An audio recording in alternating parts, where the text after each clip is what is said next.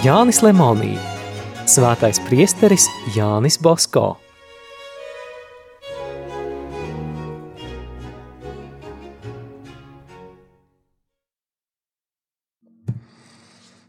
Trešās daļas 12. nodaļa – nabadzības mīlestība.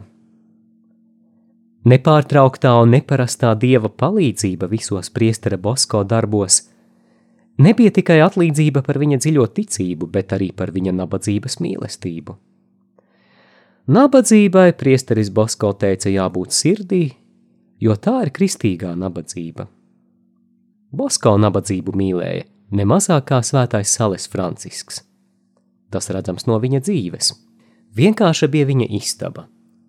40 gadus tajā dzīvojot, viņš atteicās no mēbelēm, kaut arī tās būtu pavisam vienkāršas un vecas. Viņš negribēja dīvāniņu, bet gultu, nelietoja siltākas sagas. Viss, kam viņa istabā bija kaut cik ērtības nokrāsa, bija tikai veca sofa un no salmiem pīts sēdeklis. Tur 20 gadus Basko sēdināja savus viesus – Pat dāvinātas mēbeles viņš negribēja pieņemt. Reiz viņam aizbraucot, daži labdari domāja kaut ko nedaudz uzpost, izkrāsot viņa istabu. Kad Bosko atgriezās, viņš bija ļoti neapmierināts un lika no jauna sienas nobalsināt. Arī ģērbās viņš vienkārši. Tā pati sutana viņam bija laba ziemā un vasarā. Visa baltā veļa bija pašūta no balta bieza rupja auduma – Viņš mēdza smiedamies sacīt, ka biezas drāna ziemā pasargā no augstuma un vasarā nelaiž klāt karstumu. Plānus kreklus, kurus labdari viņam uzdāvināja priesteris Bosko, nekad nevilka. Apavus viņš šuva no biezas ādas, jo tādi bija lētāki. Pat kaut cik neparastāku cepuri viņš negribēja valkāt. Bijušie audzēkņi dažreiz vēlējās viņa vārda dienā kaut ko uzdāvināt bet nekad viņš nekā nepieņēma un lūdza labāk kaut ko ierīkot baznīcā. Reizēm pilsētas priesteri viņam uzdāvināja apnēsātas sutanas. Ja vien tās derēja, viņš valkāja. Ziemā, kad bija augsts, viņš uzvilka karēvju mēteli, ko viņam bija dāvinājusi kara ministrija. Tā ģērbies viņš gāja arī uz pilsētu. Dažreiz gadījās, ka viņam vajadzēja apciemot kādu ievērojamu personu, un tad priesteris savā drēbju skapī neatrada nekā pienācīga, ko apģērbt. Oratorijas priesteriem vajadzēja viņam aizdot apavus, sutanu, drēbes un pat platmali. Pats viņš vienmēr aizmirsa pašūdināt sev jaunu apģērbu, bet, ja tas bija pašūts, tad viņu vajadzēja ar spiešanu piespiest to apģērbt. Kad viņu sāka pārliecināt, ka priesteriem vajag izskatīties atbilstoši savam stāvoklim, Basko atteica, ka priestera ārējā cieņa atkarīga no vienkāršības, nabadzības un tīrības. Tīrību priesteris Basko prasīja no visiem.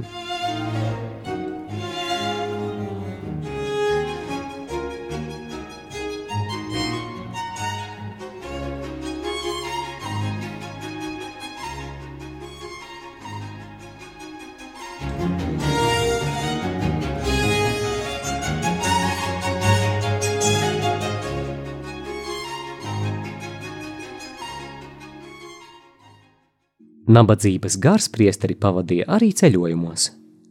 Kad vien viņš varēja un kad vien viņam bija laika, Bosko gāja kājām. Vilcienā viņš vienmēr brauca trešajā klasē. Reiz uzzinājis, ka oratorijas priekšnieks braucis pirmajā klasē, Bosko ļoti noskumis sacīja: Lūk, tā tiek izšķiesta un nicināta dievišķā apredzība. Priesteris Bosko sevi neuzskatīja par īpašnieku bet dieva apredzības bagātību uzraugu. Tādēļ viņš naudu izdeva ļoti apdomīgi un labdarības darbos bija ļoti akurāts. Pavisam trūcīgos bērnus gan viņš pieņēma bez atlīdzības, bet labāk nodrošinātajiem tomēr bija jāiemaksā kaut vai neliela naudas summa. Saviem radiniekiem viņš vispār nepalīdzēja. To, kas man pieder un to, ko man dod, man pienākas pārvērst par bāreņu un trūcīgo bērniņu maizi. Nelaime man, ja es iegūto naudu izlietotu citādi. Šī evaņģēliskā nabadzības gara vadīts, Bosko mīlēja ne tikai nabadzību, bet arī gandares darbus. Ēdot viņš nekad nelietoja sāli vai eļļu, kaut arī tās ļoti vajadzēja. Atradis kaut kur gabaliņu maizes, viņš to ielika kabatā un apēda vēlāk. Ieraudzījis, ka zēni mētā maizi, viņš to stingri sabāra un sacīja, ka tāds nedarbs var izsaukt dieva dusmas. Viņš neaizmeta pat sīku papīra atgriezumu un mācīja savējos darīt tāpat. Kaut kādiem nesvarīgiem pierakstiem un melnrakstiem tie ir labu labie, viņš sacīja. Viņam ļoti nepatika redzēt kādu darba rīku nomestu.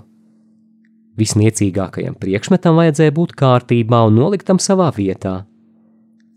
Ieraudzījis mētājamies virves gabaliņu, Bosko lika to aiznest vietā. Varbūt kādreiz arī šie gabali noderēs.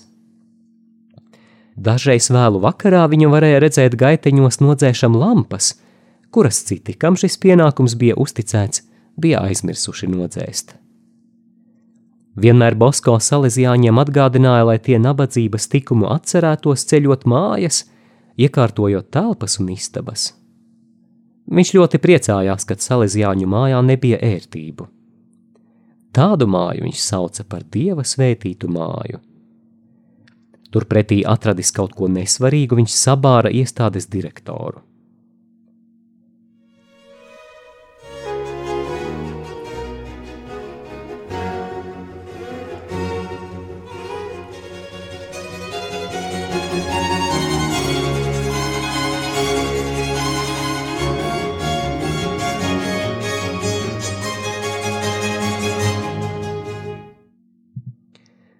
Caur priestera Bosko rokām gāja miljoni. Tomēr katru centu viņš izlietoja dieva darbiem. Ceļot Marijas kristīgo palīdzības baznīcu grāfam Orelijam viņš rakstīja: Lai Dievs jūs svētī, grāfa kungs, lai svētī jūsu darbus un lai dara tā, ka ik viens jūsu vārds izglābtu kādu dvēseli un laimētu kādu marengu. Lielāka naudas vienība. Tomēr arī nauda viņam bija tikai tik daudz vajadzīga, cik tā palīdzēja dvēseļu pestīšanas labā.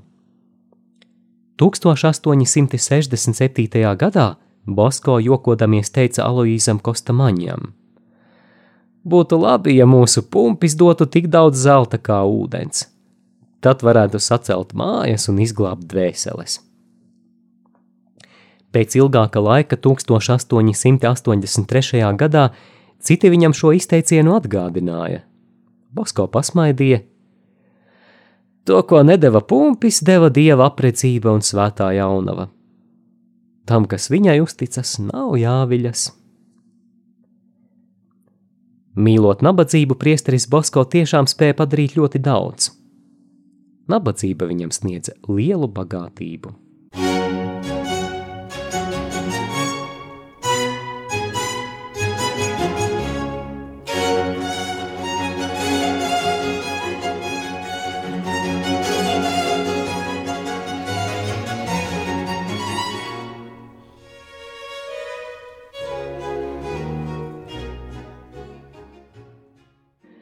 Ja priesterim Bosko žēlsirdīgi cilvēki testamentā novēlēja māju vai zemi, raksta priesteris Roā, viņš man to lika cik vien iespējams ātrāk pārdot, lai pirmkārt izkļūtu no parādiem, un otrkārt, lai kādas sirdis pie šī mantojuma nepieliptu. Varam iedomāties, cik spēcīgi un pārliecinoši bija Bosko vārdi, kad viņš savējiem stāstīja par nabadzības tikumu. Bosko ļoti lūdza apmierināties ar to, kas pavisam nepieciešams. Nekļūstot par tādiem cilvēkiem, kas gan saucas nabadzīgi, bet patiesībā dzīvo ērtībās un pārticībā.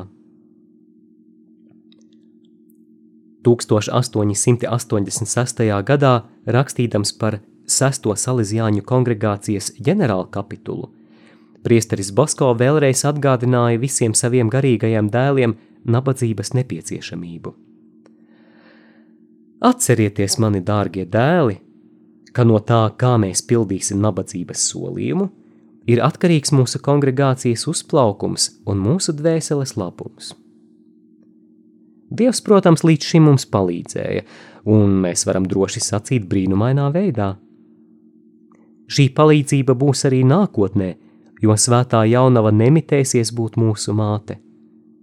Bet tas nenozīmē, ka no savas puses mums nepienākas būt taupīgiem, apdomīgiem, vadot iestādes, ceļojot, namus ceļot un visās citās vajadzībās. Mums jābūt taisnīgiem un taupīgiem Dieva un arī mūsu labdaru dēļ. Ja vien būsim uzticīgi, Dievs mums devīgi atlīdzinās, nešaubieties!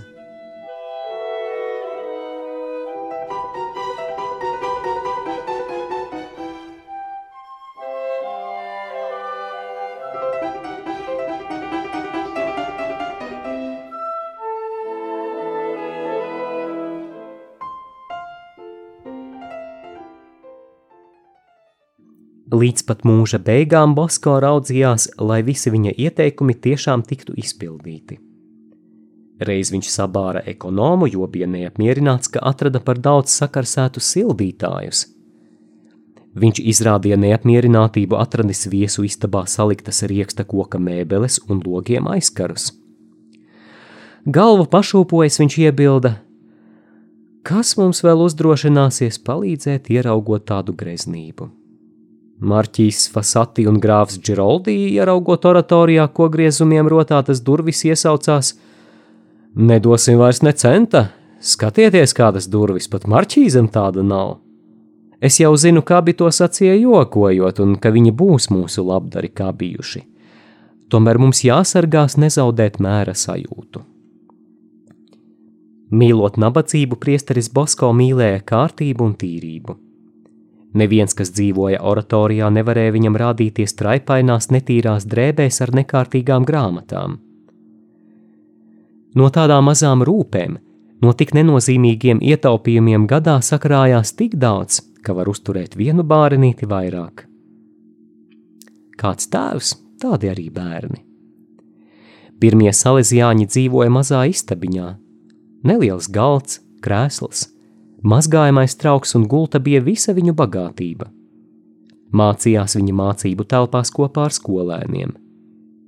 Nevelti šie pirmie oratorijas gadi tiek saukti par varonīgu laiku. Astoņus gadus dzīvoja kopā ar priesteri Bosko, raksta kanoniģis Balēzio, un pats zinu, ka mēs un visa oratorija bijām nabadzīgi. Dažreiz man radās doma, ka salēzijāņi, kaut arī viņiem nav kapucīnu nosaukuma, tomēr dzīvo viņu dzīvi, nabadzīgu un nērtu. No visa tā var secināt, ka Jānis Bosko gandrīz vai par ticības patiesību uzskatīja to, ka nabadzības tikumu svētī dieva gādība.